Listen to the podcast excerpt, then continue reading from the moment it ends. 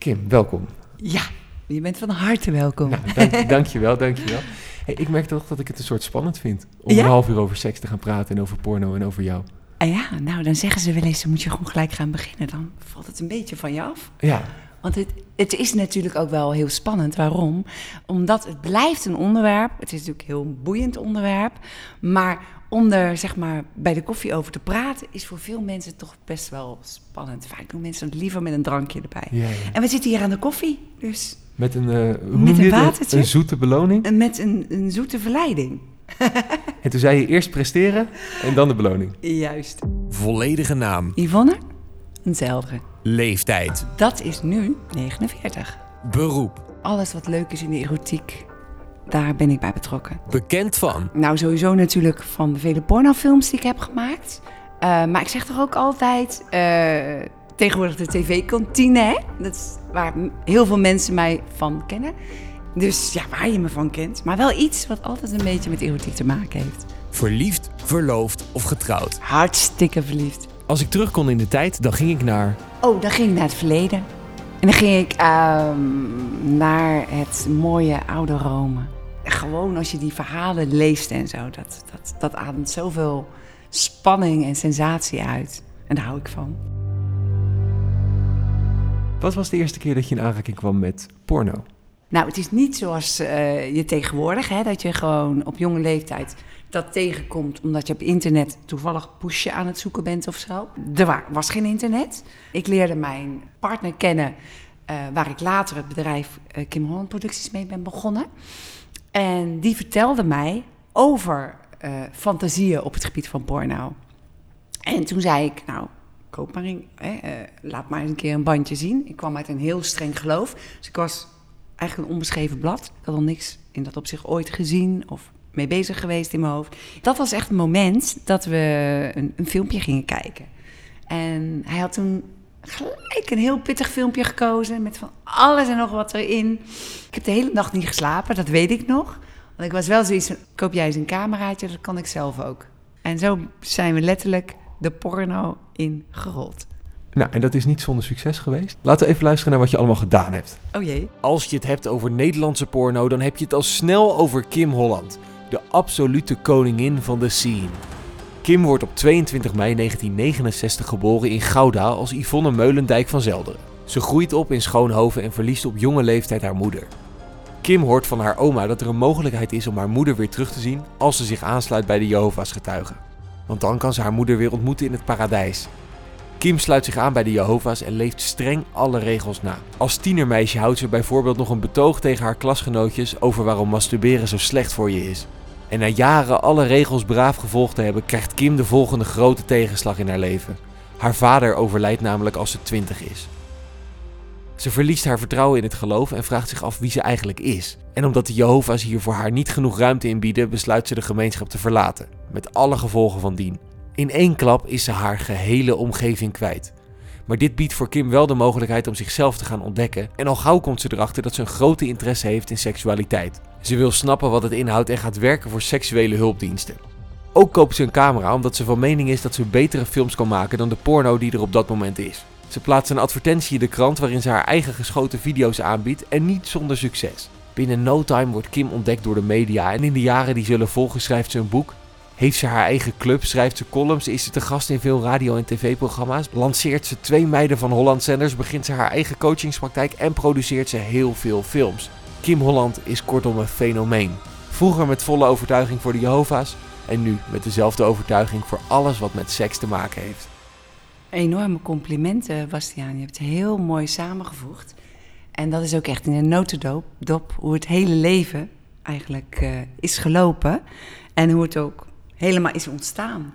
Maar ben jij zo'n evangelist? Als Jehovah's getuige ben ik best wel fanatiek geweest. Eh, dus dat betekent dat je al je energie erin stopt, omdat je overtuigd bent wat jij zegt is zo belangrijk. Dan moet je andere mensen gewoon, dat moet je ze meegeven gewoon, weet je. Daarna ben ik erachter gekomen hoe lekker en hoe fijn het is om bevrijd te zijn van allerlei dingen moeten, maar niet zelf mogen kiezen. Dus je vrij mogen voelen. Hoe belangrijk dat is om een sterke persoonlijkheid te worden. Maar ook hoe bevrijdend het is als je zowel lichamelijk als geestelijk vrij mag voelen. Ja, want zo, zo, zo klinkt het wel. Zeg maar. Ja. Als jij ergens enthousiast voor bent, dan Ja. wil je eigenlijk dat de hele wereld het ook wordt. Ja, omdat je ook zo ziet dat heel veel andere mensen die met dat vraagstuk worstelen, er niet uitkomen. En ik denk, bevrijd daarvan te zijn, zorgt er namelijk ook voor dat je niet geobsedeerd bent. En als je geobsedeerd bent in een situatie, dan zie je de situatie niet meer helder. Maar hoe bedoel je dat precies? Ehm, als je dingen in je leven niet mag, Mhm. dan gaan ze veel aantrekkelijker worden. Hè, we, we hebben natuurlijk eh, de verschrikkelijke verhalen gehoord over het eh, katholieke geloof. Waarin wordt gezegd, je mag niet trouwen. Je mag niets met een vrouw doen. En Mhm. uiteindelijk hoeveel kindermisbruik daarin zit. Dat is natuurlijk niet altijd afhankelijk van een heel streng geloof. Maar het zorgt er wel voor dat je focus op iets wordt gelegd... Ja. omdat je iets niet mag. Op het moment dat iets vrij is... dan ben je daar een hele andere manier mee bezig. Een ervaring voelt dan ook heel anders. Ja. En als je dat aan mensen kan meegeven, dat eh, heel veel dingen te maken hebben met een, een, een overlevering van vroeger. En ook in dit opzicht is het zo fijn als je als jongere gewoon mag beslissen: waar word ik gelukkig van? Word ik, word ik blij van? Wat is mijn fantasie op seksgebied? Ja. Hoe kan ik een partner vinden die hetzelfde denkt, die hetzelfde, hè, waar ik de meest spannende avonturen kan beleven? Dan is het veel speelser en dan hangt er niet zo'n zware druk omheen. Maar is dat een gedachte die je ook algemeen geaccepteerd is? Met wie kan ik een partner vinden met wie ik spannende dingen kan doen? Tuurlijk zal, speelt het wel eens door je hoofd. Maar ergens denk je ook, ja, maar het moet niet alleen daarom draaien. Ik bedoel dat jij in jouw eigen partner jouw Mhm. fantasievriendinnetje kan vinden. En op het moment dat je dat kan, op het moment dat je dus bevrijd bent van wat je mag voelen, is dat een heel andere manier van leven. Ik zeg wel eens, je, ik ben een heel gelukkig en heel sterk persoon, maar ik mag wel mijn eigen keuzes maken. Ja. Ik veroordeel mezelf niet voor wie ik ben. En sterker nog, ik ben wel heel blij met wie ik ben.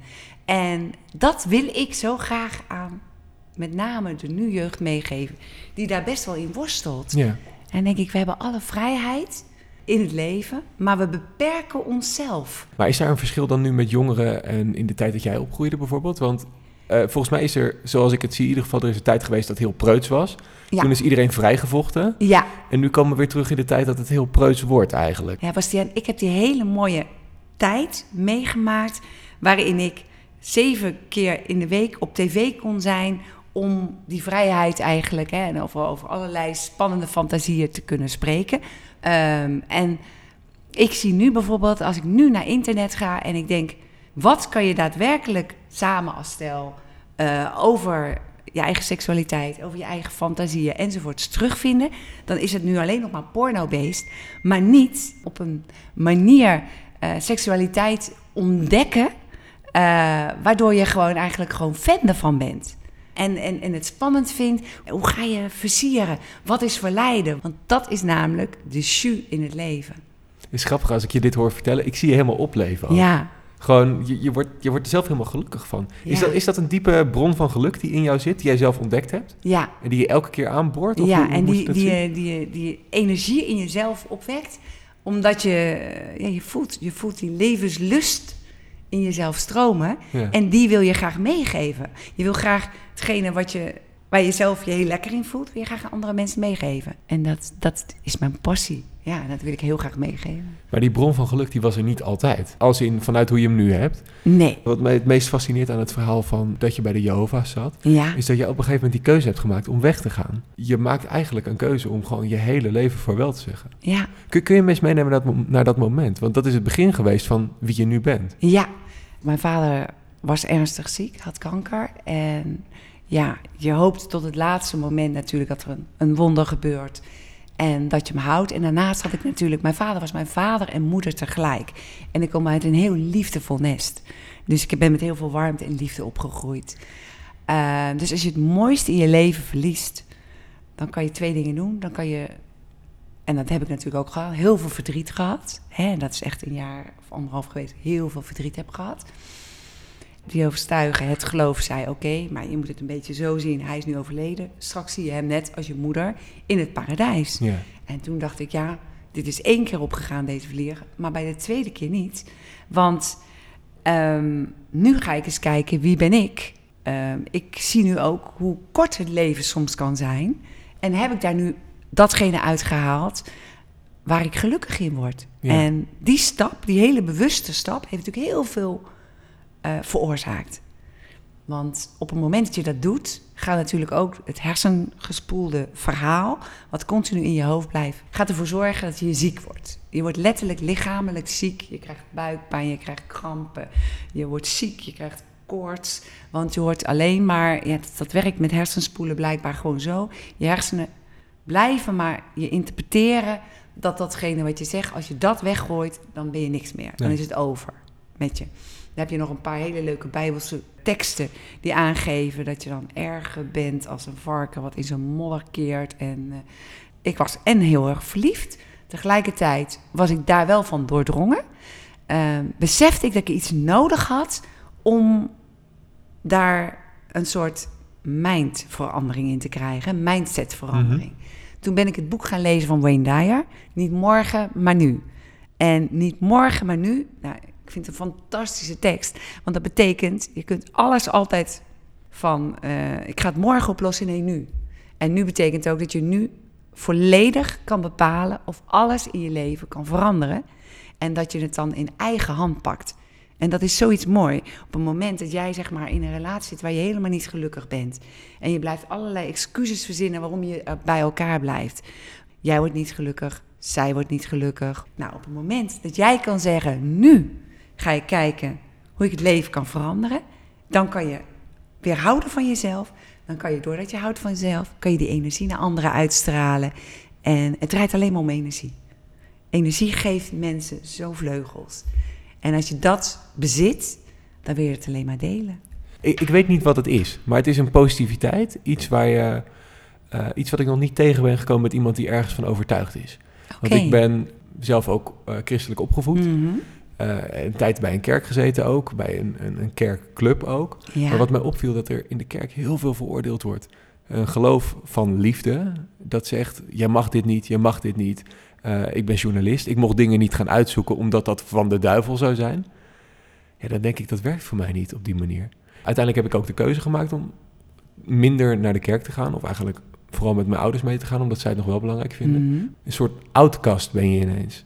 En jij raakt je hele familie kwijt. Ja. Maar wat jij zegt, hè, en, en dat is wel heel mooi, jij bent ook een sterke persoonlijkheid. Als je natuurlijk ook opgevoed bent met veel liefde, en dat ben jij ongetwijfeld ook. Zeker. Dus dat kan jij gelijk zien hè, aan iemand. Dan heb je ook geleerd om te kijken wat je gelukkig maakt en waar je past. En het is een overlevering, die neem je mee. En je neemt de normen en waarden daarvan mee, die in veel gevallen heel mooi zijn, maar die je ook heel erg kunnen beperken. En als jij zegt, ik ben journalist, en als journalist weet je hoe belangrijk het is om het recht te hebben op vrijheid van meningsuiting. En om niet te beoordelen voordat je een, een, een verhaal hebt wat steek houdt. Hè? Mhm.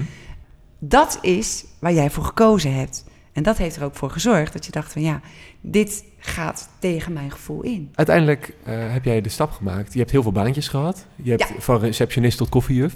Maar uiteindelijk... eh, Was ook heel leuk trouwens. dat geloof, ik, dat geloof ik ook. Maar op een gegeven moment heb je de keuze gemaakt om eigen porno te gaan verkopen. Laat ik zo zeggen, hoe ik er tegenaan kijk, lijkt dat ergens toch wel een deal with the devil. Hoe leuk je het ook kan vinden, maar hoeveel verhalen zijn er niet van bijvoorbeeld docenten die ooit een keer een filmpje hebben gemaakt en die dat jaren later een keer terugkrijgen? Hoe erg heb jij erover nagedacht wat de consequenties zouden zijn als je porno ging maken? Kijk, ik zou eerst uitleggen, ik ben porno gaan maken vanuit het gevoel, ik weet hoe lekker seks is en ik wil dat aan de wereld laten zien. Ik heb dat ook heel erg richting de vrouw willen doen, omdat ik dacht, als de vrouw leert genieten van seks op een ontspannende en leuke speelse manier, dan krijgen we die overbrugging van de man veel makkelijker. Maar ook om te laten zien van amateurtjes, jongens, kom, laat zien.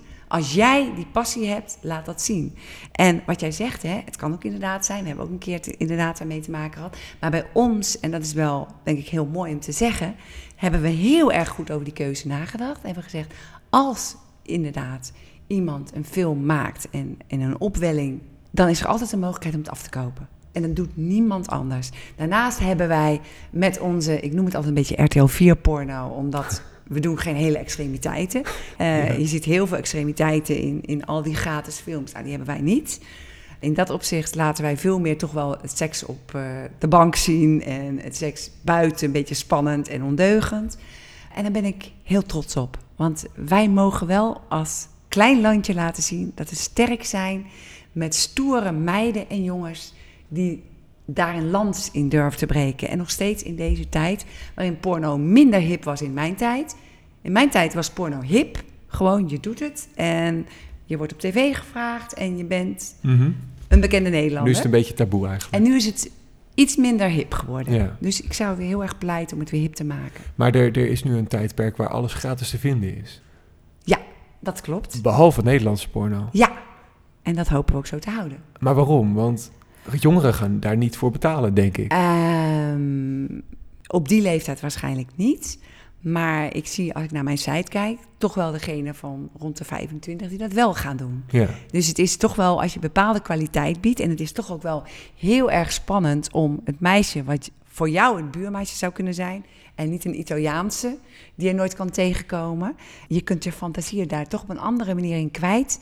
als dat het gemeen goed is wat je allemaal gratis kan zien. Maar is daar een verschil in tussen de gratis porno en de Nederlandse porno? Ja, absoluut. Er zijn heel veel documentaires nu over meisjes Ja. eh, die de Amerikaanse porno ingaan. Ja, En die drie maanden worden uitgewoond, letterlijk. En dan worden ze weggegooid, want dan hebben ze genoeg van er gezien en dan overleeft ze dat niet. In Nederlands porno is dat anders.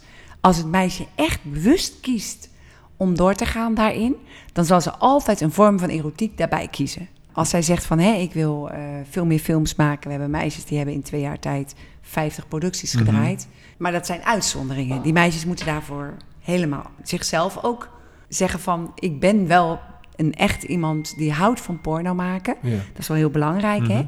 Eh, je wil een pornoster worden. Tegenwoordig ook met eh, webcammen kan jij enorm veel fans opbouwen. Hè? Je kunt met porno enorm veel fans opbouwen. Mhm. Die kun je met webcammen kun je, je fans bedienen. Ehm, dus het is eigenlijk een completer plaatje geworden. Het is niet het filmpje waar het al zozeer om draait. Het is de bekendheid die je daarvan krijgt, de fans die je daarvan krijgt, de stoerheid die het is. En als een meisje bijvoorbeeld, uiteindelijk ook als een meisje van plezier werkt, dat gebeurt natuurlijk ook wel Ja. eens, hè? Eén meisje wat bij ons heel succesvol is in de porno-industrie, heeft gewoon duizend klanten. Vaste klanten, fans. Waarbij zij gewoon soms alleen maar, ja, die, die zitten ademloos naar te kijken. Hoe mooi ben je? Ik heb zo genoten van je film. Ja. Dus die bewondering, en dat is ook het stukje wat ik graag wil meegeven. Kijk, porno wordt altijd als een soort harde wereld gezien. En in het buitenland geloof ik ook veel meer dat dat zo is. Heb ik ook wel gehoord hè, van degenen die daar ervaring in hebben.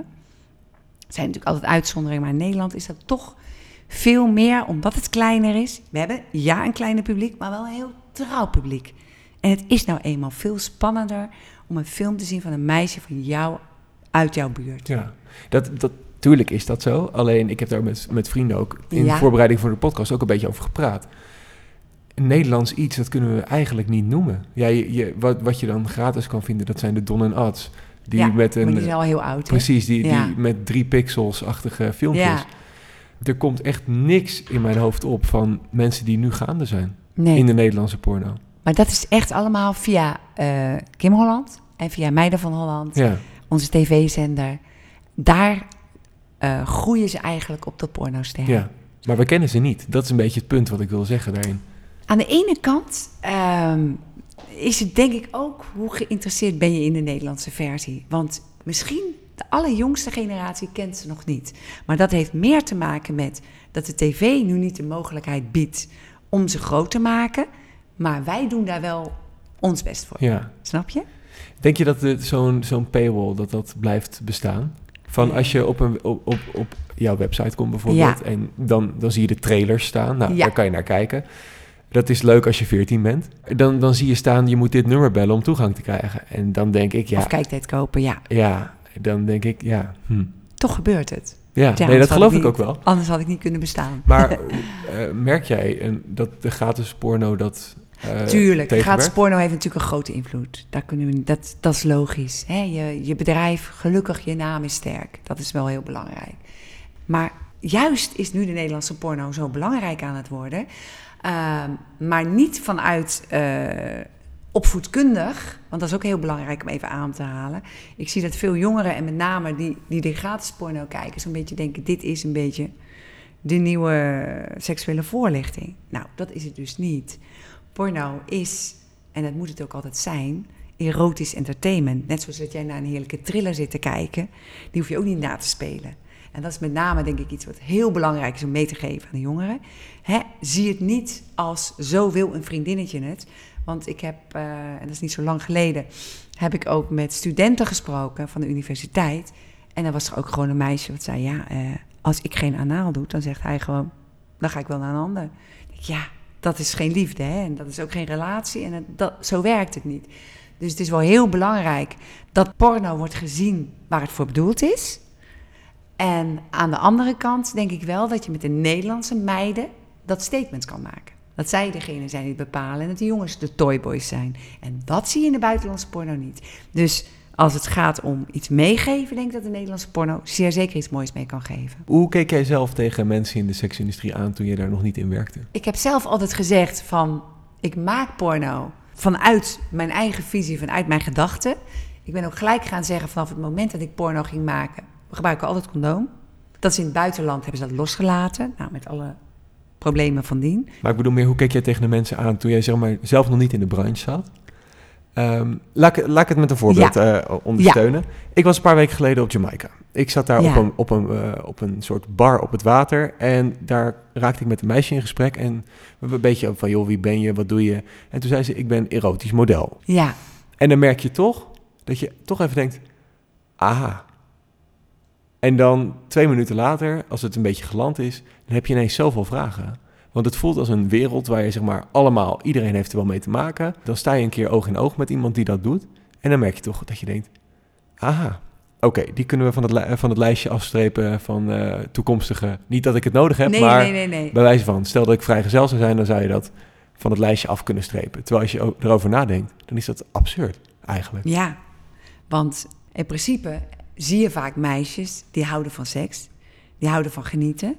En heel vaak zie je meisjes een periode met porno bezig zijn en experimenteren enzovoorts. En daarna worden ze ook gewoon moeder en krijgen ze ook gewoon een vriend. En, en, of, ze, of ze hebben een vriend en, en, en die vindt het leuk. Maar um, om iemand van een lijstje af te strepen die veel ervaring heeft, dat is je gevoel. Ja. Maar dat wil niet zeggen dat zij niet een hele mooie partner uiteindelijk voor je had kunnen zijn. En waar je superveel leuke, spannende fantasierijke avonturen mee kan beleven samen. Het is een beetje hetzelfde als je iemand tegenkomt die al heel veel bedpartners heeft gehad, bijvoorbeeld. Ja, ja, ja dat, dat, dat probeerde ik ook ja. een, beetje, een beetje aan te halen. Maar het is wel je eigen gevoel daarin. Ik bedoel, ik heb heel veel ervaring. Hè? Ik kwam Mark tegen. Je en vriend. mijn grote liefde. Hij wist dat natuurlijk ook. Hij heeft, is gewoon mij tegengekomen. Natuurlijk zijn we daarna gaan praten over allerlei dingen, maar niet over mijn ervaringen in pornogebied. Hij vond het gewoon leuk om over mij te praten over in de tv-kantine. En daar kende hij me van, en van de interviews. Dus hij heeft me gelijk als, ja, gewoon zoals ik ben. En met die energie. En niet over wat ik doe. Maar Dus- zijn dat problemen waar mensen die in de porno spelen wel tegenaan lopen? Dat mensen zo'n vooroordeel over zich hebben? Dat, dat kan ze- natuurlijk. Dat ze eigenlijk niet als mens worden gezien soms. Ja, ehm, maar dat heeft allemaal wel in met de tijdgeest te maken. Dat telt denk ik wel voor alles. Als je mensen echt leert kennen. Je zei zelf ook al, hè?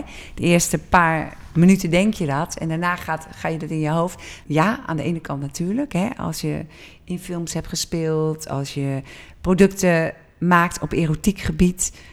Dan ben je aan de ene kant heel aantrekkelijk. Want je bent wel iemand die weet hoe het is om te genieten. Aan de andere kant heb je ook een verhaal. Maar ja, eigenlijk heeft iedereen wel een rugzakje. En dan denk ik, het is maar net hoe je daarmee omgaat. Want jij hebt ook kinderen. Ja. Hoe Ja, vinden zij het? om het verhaal heel goed uit te leggen. Toen ik Ruud tegenkwam, Dat was je eerste partner, ja, toch? ja. eerste partner uit het geloof. Hè. Dus niet, hij was niet in het geloof. eh, dus daar ben ik Kim Holland mee begonnen. Ehm, toen ik hem tegenkwam, had hij drie jonge kinderen. Maar we hebben altijd gezegd, we houden ons leven wel gescheiden. Op een moment dat wij afspreken met onze erotische vrienden, prima, dan zijn de kinderen er niet. Eh, en dat hebben we altijd zo gedaan. We zijn ook altijd transparant geweest, ook naar de mensen eromheen. Van, we doen, hè, we hebben niet alledaagse baan. Je zult ons misschien af en toe op tv, radio enzovoorts. Wij zullen onze kinderen daar ook verder niet in, in betrekken. Alleen erover vertellen dat, dat we in ieder geval hè, daar, daar dingen in doen. Maar dat zij was zijn het nu ook enige. ouder geworden. Ze zijn ouder geworden, ze zijn opgegroeid als drie hele mooie kinderen. Maar wat voor reacties krijgen zij erop dat jij dit werk doet? Ja, het voordeel was wel dat ik uit Den Haag kom. Daar zijn mensen natuurlijk minder als in een heel klein stadje waar iedereen elkaar kent. Ja. Dus zij hebben daar niet heel veel over gehoord. En we hebben ook altijd tegen de kinderen gezegd, dat is heel belangrijks. ehm, je hoeft ons niet te verdedigen. Dat hoef je niet te doen. Wij zijn jullie ouders, maar je hoeft ons niet te verdedigen. En dat geeft ook weer diezelfde vrijheid die ik net zo predikte, die zo belangrijk is. Je vertelt dus heel veel positieve verhalen. Mhm. ehm, maar er zullen ook mensen zijn geweest die hebben gereageerd van... ik hoef jou niet meer te kennen. In het uitgaansleven, hè, eh, dan durven mensen makkelijker zoiets een keer tegen je te zeggen. Eh, en dan kan je dat heel makkelijk weer leggen. Je kan gewoon zeggen, wat is het belangrijkste in het leven? Mijn vader gaf mee, als jij gelukkig bent, ben ik gelukkig. En dat vind ik eigenlijk de allermooiste zin. En dan zou ik zeggen, dat zou elke ouder naar elk kind mee moeten geven. Als jij gelukkig bent, ben ik gelukkig. Die zin is eigenlijk, zegt eigenlijk alles. Dus als wie dan ook naar mij toe kwam en die vond iets, dan zei ik: Als ik nou me daar heel gelukkig in voel, als ik geen foute dingen doe, als ik nergens de wet in overtreed, als ik zie hoe ik andere mensen inspireer, fascineer, ja, wat is er fout? Heb je, heb je dat moeten leren? Want Ik denk dat dat echt, dat bereik je door eh, op dat gebied zelfvertrouwen op te bouwen. En met veel seks kan je ook veel zelfvertrouwen krijgen. Ik doe ook Tai Chi. Daar leer je ook je energie uit jezelf halen. Ehm, en ja, het is wel een stukje magie wat je mensen kan meegeven. En die magie bezit je. Ja, ik zou er nog het liefst een hocus truc voor bedenken om hem in één keer aan iemand mee te kunnen geven. En is de pornowereld een harde wereld? Ehm, ik zeg altijd, zoals ik hem beleef, is het spelen voor volwassenen. Eh, maar je moet er wel in thuis horen. Is er veel jaloezie in de pornowereld? Nee, meisjes vreten elkaar eigenlijk op. Ik bedoel, in stripperswereld heb je veel meer jaloezie.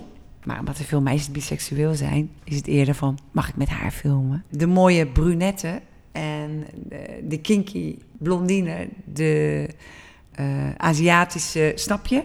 Iedereen heeft wel zijn eigen publiek. Ja. Dus het is eerder van, we vinden het leuk om met z'n allen een opname te maken, als, maar zij krijgt er veel meer of, of, of zij heeft meer fans. Dat speelt niet zo. Jaren ben jij eigenlijk de enige media-pornoster geweest. Eh, de laatste jaren heb je Bobby Eden er Ja. ook bij. Ja. Hoe, hoe, hoe was dat voor jou, dat er ineens een tweede kapitein Oh op nee, Bobby is? Eden die was toen bij mij geweest en die kwam uit Amerika. Hè. Toen kwam ze naar Nederland en toen zei ze van, nou ja, hè, ik ken jou natuurlijk van eh, de tv en van je succes. Hoe heb je dat gedaan? Ik zei, nou ja, eigenlijk eh, is, is het een beetje vanzelf gegaan. Hè. Je wordt op tv gevraagd omdat je openhartig bent over je, je leven. Maar ik maakte toen heel veel pornofilms nog. Ja, en zij is meer het gezicht op een ander niveau geworden. Hè? Dus wij zijn eigenlijk twee hele andere partijen. Dus ja, we hebben allebei een erotische past. Ik heb natuurlijk nog mijn pornobedrijf, ehm, tv-zenders. En zij is veel meer die andere kant ook opgegaan. Hè? Ze werkt voor de Linda, ze doet een aantal andere dingen. Dus je bent eigenlijk meer aanvullend. Maar zeker twee hele verschillende persoonlijkheden. Is het belangrijk om zulke mensen in de media te hebben? Ik denk dat het heel goed is, ja. Waarom? Ehm, omdat ik het zo ontzettend belangrijk vind dat in Nederland die vrijheid blijft. Ik heb die periode meegemaakt. Het was goed voor Nederland. Voor het openhartige klimaat van Nederland. En ik gun dat zo de nieuwe jongere generatie. Dat kunnen we alleen maar op een bepaalde manier doen. Door weer een lans te gaan breken zoals we dat in het verleden deden. En ik hoop dat dat eh, manier van denken weer veel vrijer gaat worden. Zodat jongeren weer zelf kunnen kiezen. En weer zelf kunnen zeggen wat ze fijn en leuk vinden. En Je bent gestopt op een gegeven moment met acteren zelf. Ja. Je, je, Ja. bent je, eigen, je hebt je eigen films, daar ben je ooit mee begonnen. Toen Ja. ben je doorgegroeid naar eh, verkopen en produceren. Nu ben je gestopt met acteren. Ja, Eh, begeleid jij ook jonge mensen die Ja. zeg maar de porno in willen? Hoe, hoe gaat dat? ik ben zelf gestopt omdat ik zei altijd, je moet op je hoogtepunt stoppen. Dat Hoe weet ook- je dat je op je hoogtepunt bent? eigenlijk weet je dat niet. Dus dat is een hele goeie, want ik heb net zoveel seks als daarvoor. Dus een hoogtepunt is dan ook meer een moment dat je zegt en waarin je ook een andere beslissing neemt. Maar het was ook wel iets wat ik uiteindelijk wel had willen doen, omdat je ook heel graag en heel veel energie wil stoppen in het begeleiden van de nieuwe lichting van de porno. En uh, tegelijkertijd ook is een pornobedrijf leiden ook heel erg leuk. En op het moment dat je allerlei andere stappen maakt, moet je ook veel meer van je eigen bedrijf gaan leren kennen. Dus ik ben veel meer zakenvrouw moeten worden om, om te snappen hoe je hele bedrijf in elkaar zit.